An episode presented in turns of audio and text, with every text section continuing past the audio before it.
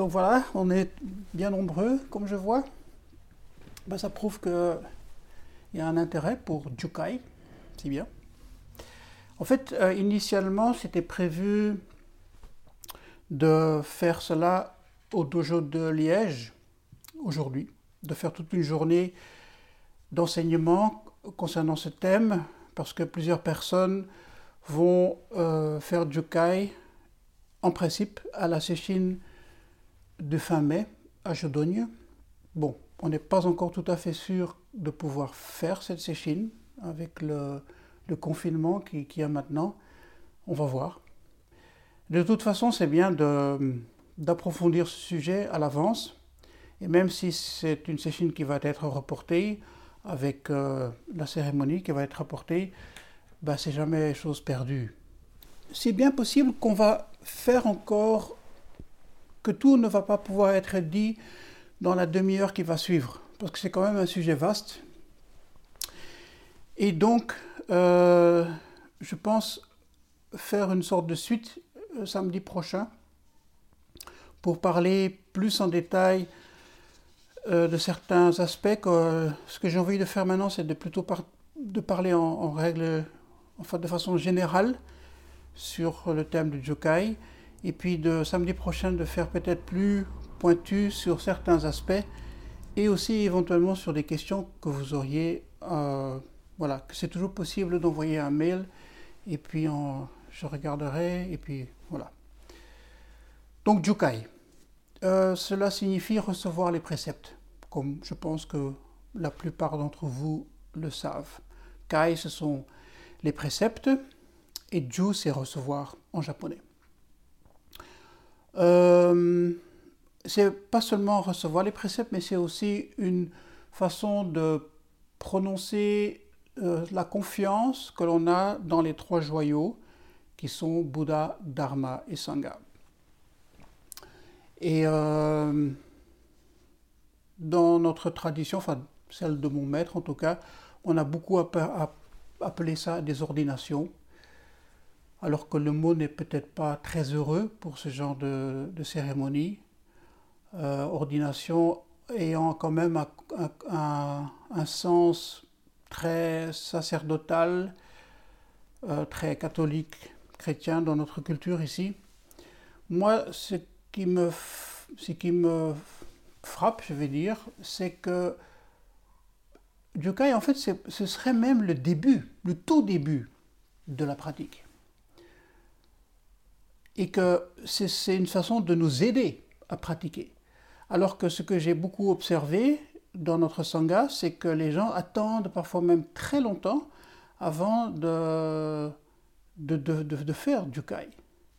Alors que ça devrait être quelque chose que l'on fait relativement vite pour justement être entraîné, être euh, soutenu, être porté par justement les, les vœux que l'on fait et la cérémonie que l'on, réalise. Donc moi je considère ça plutôt comme un baptême, comme une sorte d'initiation, comme une sorte d'introduction à la véritable pratique, que plutôt euh, une sorte de terme, après autant de mois ou même d'années de pratique, ben voilà, il y a une sorte de mérite qui s'installe et on, on peut faire du kai. En fait, on devrait faire faire du yoga à tous ceux qui rentrent dans le dojo. Bon, c'est peut-être un peu exagéré, mais c'est euh, quand même, c'est mon sentiment que j'ai. Euh, je me rappelle très fort quand j'ai fait Jukai moi-même, donc le premier Jukai, comme on appelle Bodhisattva, euh, un moine que certains d'entre vous connaissent, hein, Saint Guillaume m'a dit Ah, c'est bien Conrad que tu aies fait Jukai Maintenant, c'est fini la gymnastique. Et ça m'avait frappé à l'époque, mais il y a quand même quelque chose, bon c'était un peu une boutade, mais il y a quand même quelque chose de vrai dedans.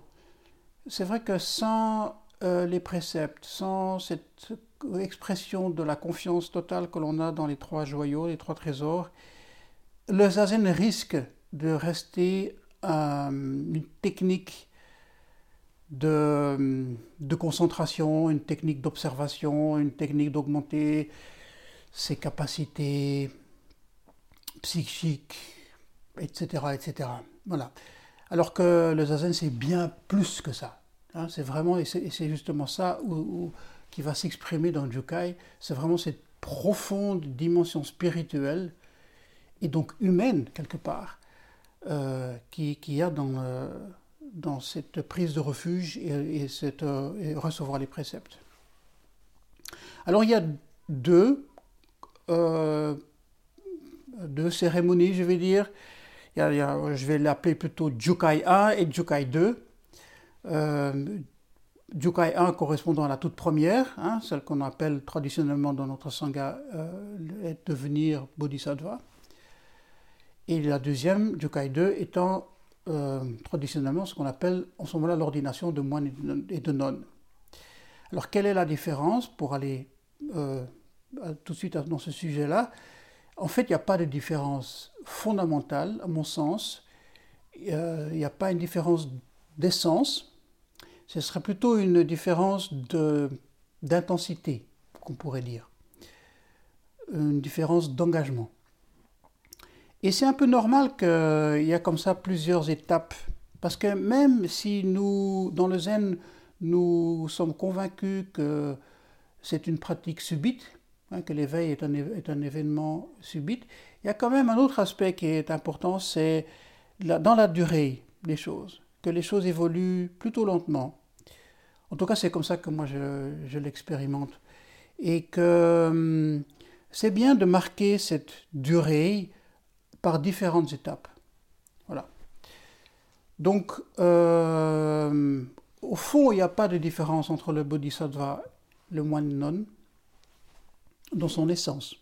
Parce qu'on reçoit les mêmes préceptes. Il n'y en a pas plus au moment de l'ordination de moine et de non qu'au moment de cette initiation, cette première initiation, la Jukai 1. Euh, donc ce serait plutôt au niveau de l'engagement qu'il y aurait une différence.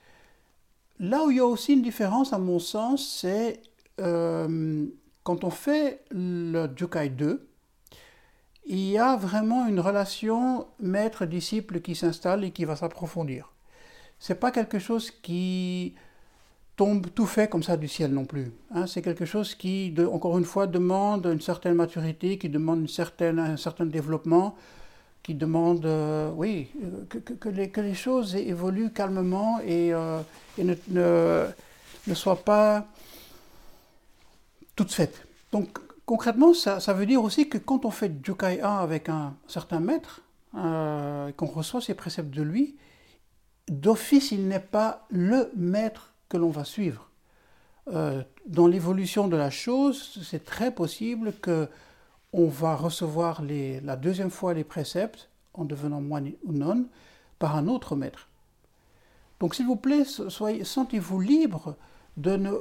Pour ceux qui, avec moi, vont faire euh, Jukai la première fois, c'est bien d'avoir une certaine sympathie vis-à-vis de, de l'enseignement que je donne, ce n'est pas un problème, je, ne refuse pas cet aspect-là des choses, mais sentez-vous également libre, ne, soyez pas comme ça tout de suite, ah, il n'y a que lui qui compte, etc. Ou elle, hein, si c'est une, une nonne qui, va vous faire, euh, qui va vous donner les préceptes. Donc voilà. Alors justement, c'est là où, ça devient intéressant, c'est dans Jukai 2, où en effet, on, décide de d'avoir complètement confiance dans cet enseignant tel celui-là, et, plus un autre. Donc ça, c'est quand même une, des, deux choses importantes. Alors un autre... Euh, en fait, quand on, quand on voit l'évolution avec Bouddha, donc ça, remonte à Bouddha. Hein. Euh, recevoir, prendre refuge dans les trois, dans les trois trésors et recevoir les préceptes, c'est vraiment quelque chose que lui avait introduit. Donc si on voulait être un disciple de, de, Bouddha, il fallait passer par là. Mais c'était quelque chose de très simple. Il fallait euh, exprimer de façon très forte en disant oui, oui, oui, en le disant trois fois, euh, je prends refuge dans Bouddha, je prends refuge dans Dharma, je prends refuge dans la Sangha. Voilà. Et de recevoir les, les, préceptes, on va les, dire tout à l'heure, et de dire à chaque fois oui, je vais les protéger. Voilà, c'était ça. Et c'est en fait, c'est ça le cœur de, euh, de cette cérémonie. Et euh, déjà du temps de Bouddha, il y avait ces deux possibilités. Ou on restait laïque, ça veut dire qu'on était disciple de Bouddha, mais en restant dans sa famille, son, compagnon, euh, dans son job, etc.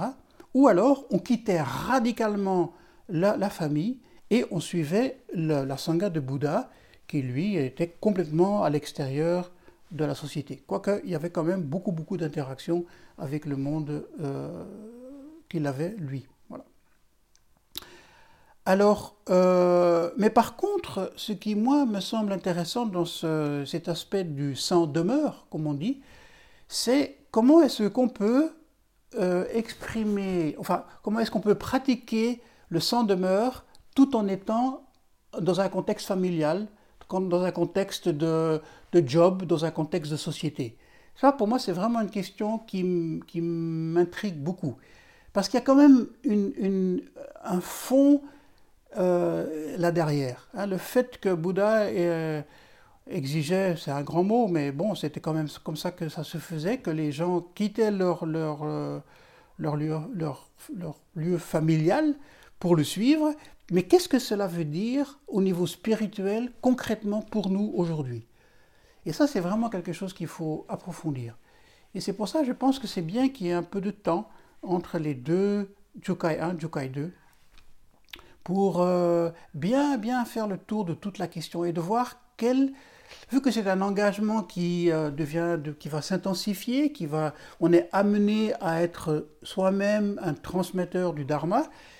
Qu'est-ce que ça veut dire concrètement dans le contexte de toutes les activités que j'ai, aussi bien professionnelles que mes loisirs, que ma famille, mes enfants, etc. Comment est-ce que tout cela va-t-il s'agencer? Et donc prendre le temps de, bien réfléchir à ça, de bien, euh, c'est quelque chose de très important à faire. Voilà. Maintenant, ceci, dit, c'est important aussi de bien comprendre, et en fait, ça va dans le sens que, dans lequel je veux aller, c'est que le fait que dans le zen, les moines et les nonnes peuvent avoir une, une vie de famille est assez, est assez exceptionnel. En fait, c'est très récent, ou relativement récent, que cela a eu lieu ça a été euh, par un décret impérial obligé par euh, l'empereur du Japon aux moines et aux nonnes de l'époque, dans ce qu'on appelle la réforme Meiji au XIXe siècle, en 1867 pour être, exact, où le Japon commençait à se tourner vers la modernité, vers l'Occident, etc. C'est là où ça a commencé. Et l'empereur voulait, euh, ça c'est l'anecdote, mais quand même une anecdote intéressante, l'empereur voulait casser l'influence des moines zen euh, vis-à-vis des gens. Et il leur a imposé de quitter, ben oui, le célibat, et d'être vraiment dans un contexte de famille. Et il leur a aussi imposé de, de, de, manger de la viande. Je pense qu'à l'époque, pour les, moines de l'époque, ça a dû être un choc terrible, cette histoire. Mais bon, ils, se sont bien sûr adaptés. Euh, il y a eu encore d'autres trucs à, l'époque aussi. Ils ont dû devenir une sorte de, comment dirais-je, euh, secrétaire d'État. non, je ne sais pas si c'est le bon mot, mais euh, les, temples zen devenaient des, les lieux où il fallait faire les inscriptions de tous les décès, de toutes les naissances. Voilà, l'état civil. Hein, ce qui se fait à la maison communale, tout d'un coup les temples étaient obligés de le faire. Bon, tous des trucs pour vous dire que euh, cela devenait quelque chose de très administratif. Alors, on n'a pas trop à se, vanter de dire, ouais, nous, euh, les moines zen, il euh, n'y a pas de problème, on peut se marier, on peut... Voilà, donc c'est vraiment une, une, histoire d'exception dans toute l'histoire du bouddhisme, et sur laquelle on n'a pas beaucoup à être très fier par rapport à ça. Maintenant, c'est la, façon dont Maître Deshimaru, qui est venu en Occident euh, fin des années 60, a également introduit cela. Donc, pour moi, c'est très bien. Je veux dire. Mais à nous de vraiment réfléchir, encore une dernière fois, à cet aspect sans demeure. Qu'est-ce que cela signifie pour moi dans ma vie aujourd'hui? Voilà. Alors, il faut avancer un peu. Euh, que signifient les préceptes? Alors, il y a déjà, euh, déjà le mot fait peur, je pense, peut-être pas vraiment à vous qui pratiquez déjà le zen, qui sont en contact avec ça, qui, ont vu euh, la cérémonie, etc. Mais pour les personnes complètement nouvelles, je peux comprendre que le mot est oula. Mais qu'est-ce que c'est cette histoire? On va pas me dire maintenant comment est-ce qu'il faut que je me conduise, ce que je peux faire, ce que je peux pas faire, etc. Donc je peux comprendre très bien que... Mais il faut aller au-delà de, de, tout ce contexte judéo-chrétien qu'on a autour des interdits, des commandements venant de Dieu, etc. Il faut un peu sortir de... c'est difficile, mais sortir de ce contexte-là. Moi, je dirais que les préceptes, c'est une sorte de directive morale. Voilà. Euh, ce sont des indications. Si on veut vivre de façon juste par rapport au dharma du Bouddha, c'est bien de se conduire selon ces règles. Voilà. Donc c'est, en fait, c'est l'expression même du, du zen. Euh, il, y a le philosophe Michel Foucault, français, que je, pense vous connaissez, qui a, il y a toujours une phrase qui m'avait beaucoup plu de lui, qui disait Il faut faire de sa vie une œuvre d'art. Eh bien, je pense euh, sincèrement que les préceptes et faire jukai, ah, il y a quelqu'un qui veut encore rentrer là, euh, c'est vraiment faire de sa pratique du dharma, de suivre la voie du Bouddha, une œuvre d'art. Voilà. Alors ça, ce sont les éléments avec lesquels il faut travailler. Voilà. Ces 16 préceptes qui existent, euh, bon, on va tout de suite les voir, lesquels, quels ils sont. Donc c'est en ce sens qu'il faut comprendre ça, et pas en sens de interdit, alors que c'est vrai qu'ils sont formulés de façon ne pas tuer, ne pas voler, ne pas mentir. Donc c'est vrai que la, formulation, elle est ce qu'elle est. Maintenant, elle existe aussi sous forme positive. Hein. Euh, mais euh, voilà, c'est pas, euh, pas une sorte de carcan dans lequel tout d'un coup on va se retrouver. C'est plutôt le contraire. C'est plutôt l'expression de la liberté, mais avec sagesse et avec compassion. Voilà. Ce qu'il faut toujours faire, c'est toujours retrouver le lien avec le zazen. Ce n'est pas quelque chose qui est à l'extérieur de ça. Hein. Euh, donc, Jukai, c'est vraiment lié avec la pratique de zazen. Mais qu'est-ce qui se passe en zazen? Ça, c'est vraiment une question qu'on euh, peut se poser, que peut-être on ne se pose pas suffisamment. Parce que bon, c'est pépère, on pratique sa zen, de calme, voilà. Mais qu'est-ce qui se passe au fond? Qu'est-ce qui se passe avec nous? Qu'est-ce qui se passe avec notre esprit en zazen? Alors, pour moi, il y a trois dimensions ou trois aspects. Bon, il y en a peut-être plusieurs, mais pour, aujourd'hui, j'aimerais bien un peu développer ces trois aspects qui sont quelque part reliés avec la cérémonie de Jukai, avec les préceptes. Un, c'est l'ego la, place qu'il va prendre, la place qu'il prend dans notre vie va petit à petit diminuer. Et là, je vais tout de suite dire, il y a deux trucs qu'il ne faut pas oublier. Un, l'ego n'est pas quelque chose de mauvais, parce que ça, souvent, on entend dans la sangha. Ouais, c'est ton ego, t'as encore fait, voilà, c'est ton truc, euh, mais de façon très négative. Donc ça, un, c'est pas du tout ça, parce que parfois même, c'est l'ego qui nous pousse à, découvrir et à pratiquer la voix. Donc il a aussi ses côtés positifs. Ça c'est une chose. Deuxièmement, on a besoin d'un ego. Euh, si on veut fonctionner de façon adulte et normale dans la société, on a besoin d'un ego qui est bien formé. Si on veut avoir une relation normale avec les gens autour de nous, on a besoin d'un ego qui soit bien formé, qu'on fasse bien la différence entre toi et moi. Voilà, par exemple. Mais il va avec le zazen, on, sent qu'il ne prend plus tout l'espace dont on est habitué avant d'avoir pratiqué zazen. Parce que c'est vrai que la, plupart des gens, et on, le voit très fort dans les, situations difficiles comme maintenant, la façon dont l'ego euh, et, la peur aussi de perdre des choses. La peur, plein, plein, plein de peur et d'anxiété se mettent en route avec, euh, avec le Covid-19, bien sûr. Hein. Et, euh, et, là, on voit en effet l'immensité que, que, prend parfois l'ego dans la vie des gens. Alors que si on le ramène à sa juste dimension, à sa juste place, il a sa fonction, mais à un endroit bien spécifique. Et que tout ce qui est autour, on commence à le découvrir avec le zazen, eh bien ça c'est l'influence du zazen sur notre esprit. Alors justement, qu'est-ce que c'est tout ce qui est autour de l'ego? L'ego, il baigne pour moi dans la nature de Bouddha. Voilà. Et il y a un texte de Maître Dogen que j'adore, que, vous connaissez certainement, euh, qui est dans le euh, Genjo Koan, et que je vais vous relire que peut-être que certains vous connaissent. Je vais, je vais le lire dans la traduction de Yoko Orimo, voilà, euh, qui est une, une, traduction qui est très très très littérale. Mais bon, c'est bien de lire parfois les choses presque mot à mot. Alors, il dit, en fait, il essaie d'exprimer là, dans ce passage, euh, qu'est-ce qui se passe avec Zazen? Donc la question initiale que je posais. Il dit, apprendre la voie de l'éveillé, donc l'éveillé, c'est le Bouddha. Hein. donc apprendre la voie de l'éveillé, c'est s'apprendre soi-même.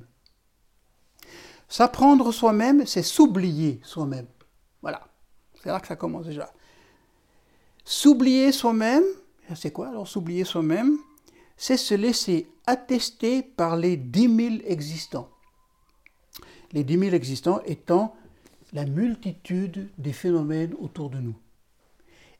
Qu'est-ce que veut dire être attesté par les 10 000 existants, alors ça c'est à vous de découvrir.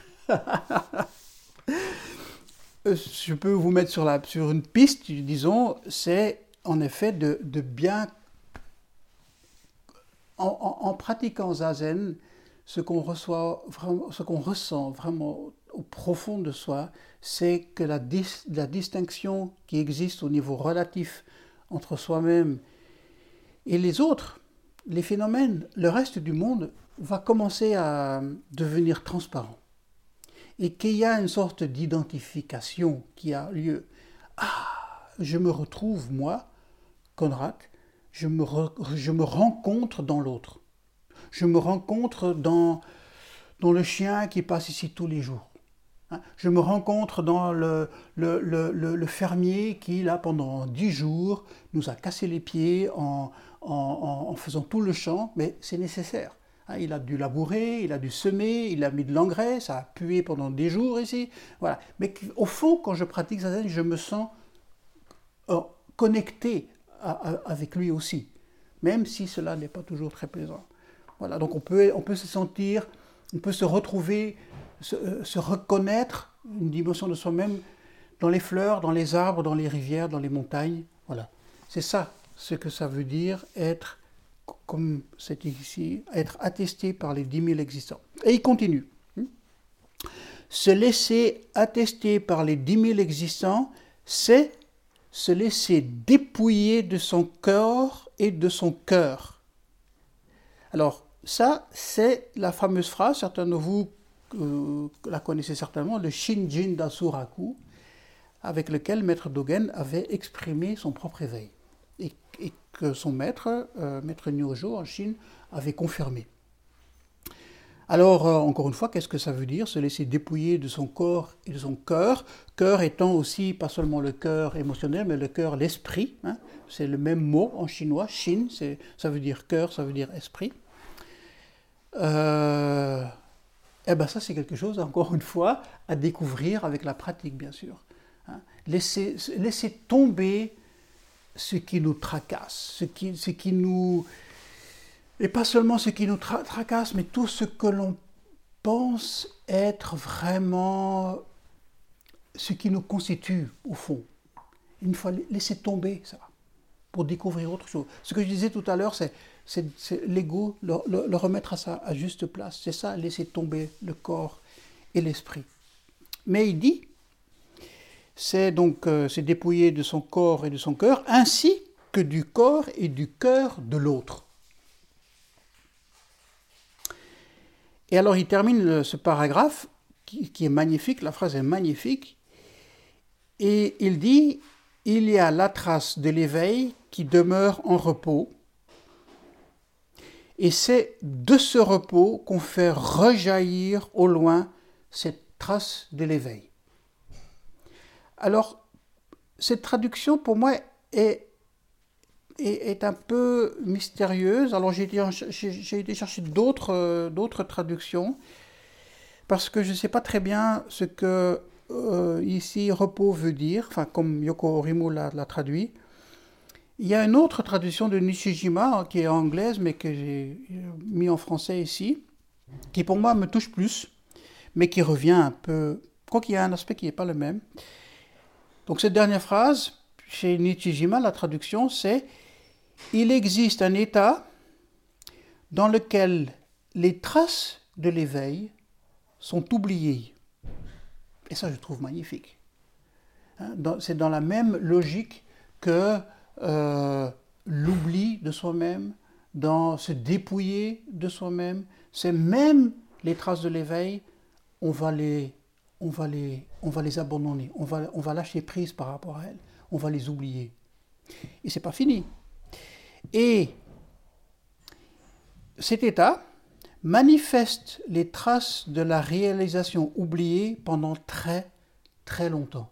Donc ça veut dire que même si on, oublie les traces de l'éveil, les traces de la réalisation, encore elles vont pendant très longtemps se manifester et se remanifester et se remanifester. Pour moi, ça c'est capital.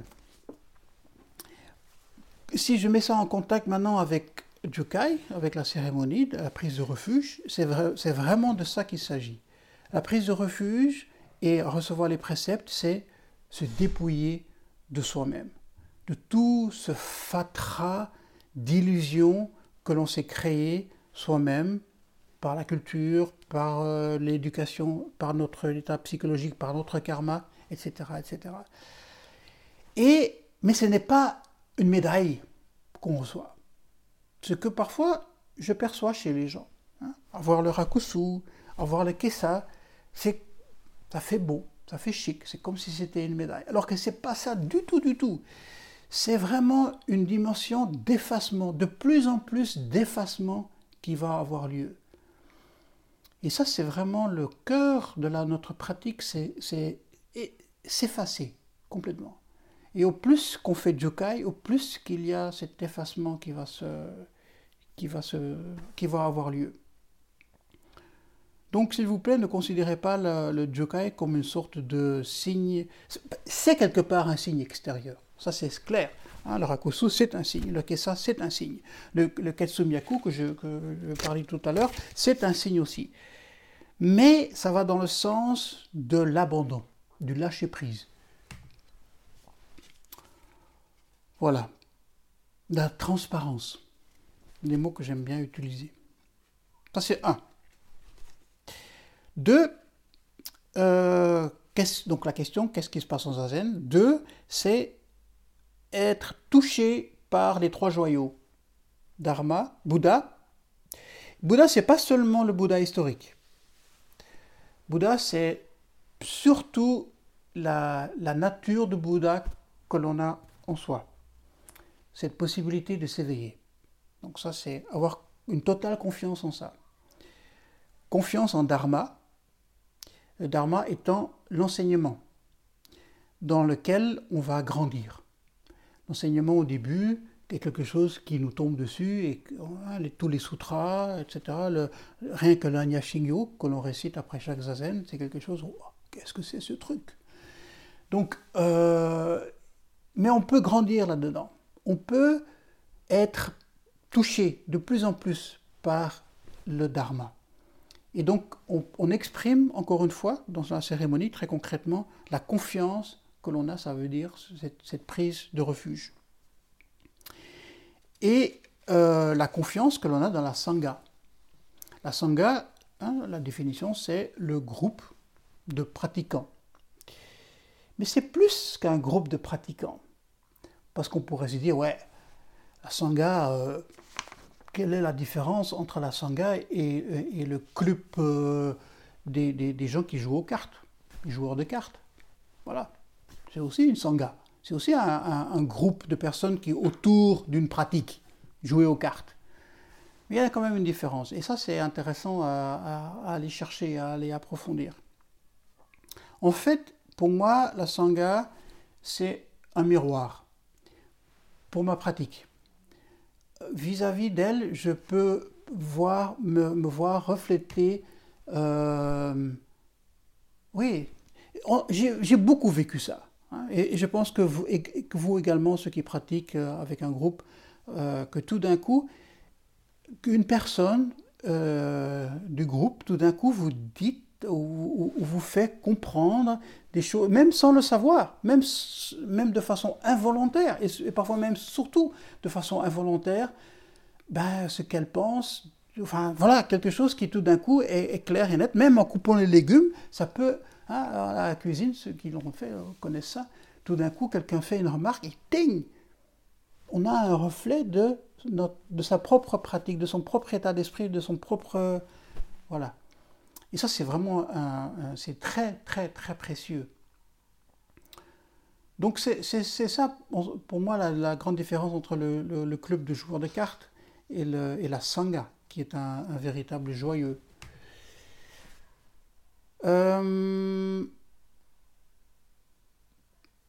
et je pense que c'est dans ce, dans ce deuxième aspect de qu'est-ce qui se passe en zazen, cette confiance totale qu'on a dans les trois joyaux qui va, qui va mûrir, qui va s'exprimer de plus en plus, que se trouve la grande différence qu'il y a entre les techniques de méditation classiques, je vais dire, comme pleine conscience ou mindfulness, qui sont très très bien. Je veux dire, euh, j'ai rien contre. même parfois, beaucoup de gens peuvent euh, trouver une aide dans des moments difficiles de leur vie, dans, les techniques de pleine conscience. Mais là où la pleine conscience ne va jamais vous amener à ces trois joyaux, c'est là où le zen et la pratique du zazen, la voie de Bouddha, en fait c'est vraiment la voie de Bouddha, est cette dimension spirituelle qu'il n'y a pas dans les techniques de méditation classiques pour améliorer sa concentration, euh, être plus performant, euh, être moins anxieux, etc. Tout ça, c'est très très bien. Mais voilà, c'est là où il y a ce plus, je dirais. Je dirais vraiment un plus. Bon, et alors le troisième point, parce que là le temps commence vraiment à... On est déjà à 35 minutes là. Euh, le troisième point de qu'est-ce qui se passe en Zazen, c'est à, mon goût, à mon sens, c'est approfondir la dimension de Mushotoku. Alors, qu'est-ce que c'est que Mushotoku? Mushotoku, ça veut dire sans gain personnel, sans recherche de gain pour soi-même. Ça ne veut pas dire qu'il n'y a pas de gain. Ça, c'est la grande, le grand malentendu, ce qu'on entend souvent dans notre sangha, c'est qu'il n'y a, a, pas de but. Mais oui, il y a un but, et même un but immense. Il y a un désir immense qui va s'installer. Les quatre vœux du Bodhisattva, c'est ça. C'est vraiment un but complètement, euh, même fou, je, dirais. Donc il y a un but, il y a, du gain, la pratique apporte des fruits, il apporte des mérites. Ça, c'est indéniable. Maître de Shimaru, mon propre maître, je l'ai moi-même euh, vécu, je le vis encore tout le temps, et, et vous, je pense, c'est la même chose. La pratique nous apporte des fruits. Maintenant, c'est avec quel esprit on va commencer à être en relation avec ça, avec ses mérites. Si on est dans la relation de vouloir prendre ça pour soi, comme ça, en ce moment-là, tout de suite ça s'efface, tout de suite ça disparaît. Alors que si c'est les mérites sont là, et on travaille avec, et on fait quelque chose avec, et on fait de tout ça une œuvre d'art, en ce moment-là, il se, il se déploie complètement. Donc, Mushotoku, c'est le désintéressement total. Bon, ça peut paraître naïf, hein, de dire, oui, mais enfin, toute cette pratique comme ça, pour rien. Pour rien, ben oui, c'est justement là-dedans que se, situe une dimension spirituelle très profonde, de pour rien. C'est vraiment à ça qu'il faut, c'est à ça qu'il faut creuser. Alors, pour, on va quand même clôturer parce qu'après, il y a quand même vos questions. Hein. Euh, quels sont ces 16 préceptes? En fait, euh, il y a prendre refuge, donc, comme je disais au point 2, euh, cette confiance, cette prise de refuge dans Bouddha, Dharma, Sangha, ce sont les trois premiers préceptes. les trois préceptes purs, c'est faire le bien, ne pas faire le mal, et faire le bien pour les autres. Et à chaque fois, dans la cérémonie, on dit oui, oui, oui. Hein, on affirme. Donc voilà, ça c'est les six premiers. Et après viennent les, les, dix suivants. Alors on va les énumérer et je propose que dans euh, la semaine prochaine, on va un peu plus les approfondir au niveau dharma. Parce que je pense qu'à chaque, à chaque fois, il y, a, il y a beaucoup de choses à dire. Donc le premier, ne pas tuer. Ce qui, est, ce qui est intéressant de voir, c'est que la majorité, il y en a dix, hein, donc euh, ces dix préceptes, que la majorité de ces préceptes sont en fait toujours en relation avec les autres. Ça, c'est quelque chose d'intéressant à, observer. Il y a toujours un, rapport. Justement, là où le zazen nous, ouvre, hein, nous propose cette transparence vers, les autres, ben justement, les préceptes vont protéger cette transparence, vont protéger cette ouverture vers les autres. Donc ne pas tuer. Ah ben oui, quand on pratique sa zen, c'est pas possible, c'est plus possible de tuer. Ne pas voler. C'est la même chose. Quand on pratique vraiment la voie à fond, c'est plus possible de voler. Ne pas convoiter. Alors traditionnellement, ne pas le troisième, c'est un, qui est intéressant. Hein. c'est euh, pas de sexualité. Donc vivre de façon célibataire. Hein. c'est comme ça vraiment dans la sangha de Bouddha et ça l'est encore dans la majorité des sanghas, ce que j'ai dit tout à l'heure. Alors pour nous et pour comme je l'ai appris de mon maître, cela veut dire ne pas avoir une mauvaise conduite au niveau sexuel. Alors qu'est-ce que ça veut dire une mauvaise conduite?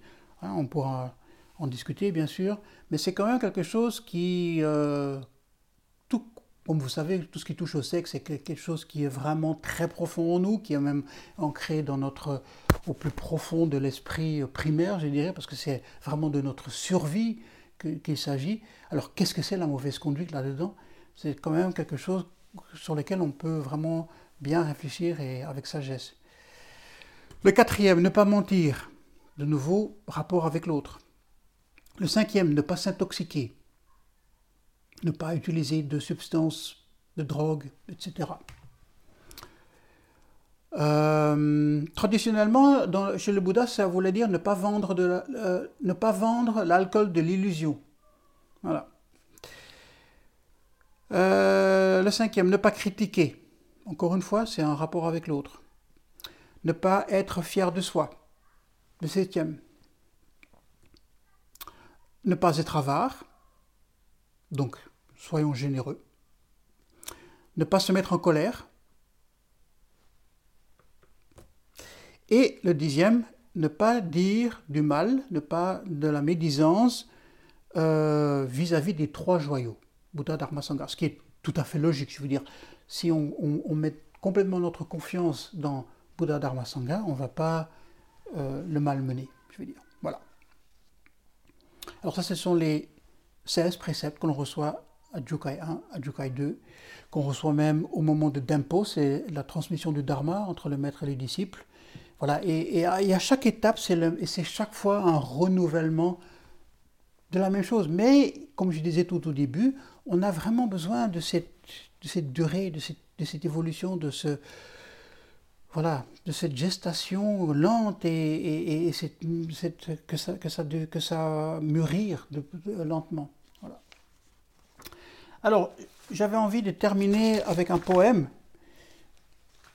parce qu'il y a quand même aussi euh, une dimension poétique, je vais dire, et c'est dans le Shodoka le, chant de l'immédiat Satori de maître Yoka Daishi, un maître chinois, où il parle des, de Jukai. le, le trésor des préceptes de la nature de Bouddha est imprimé dans le fond de notre cœur.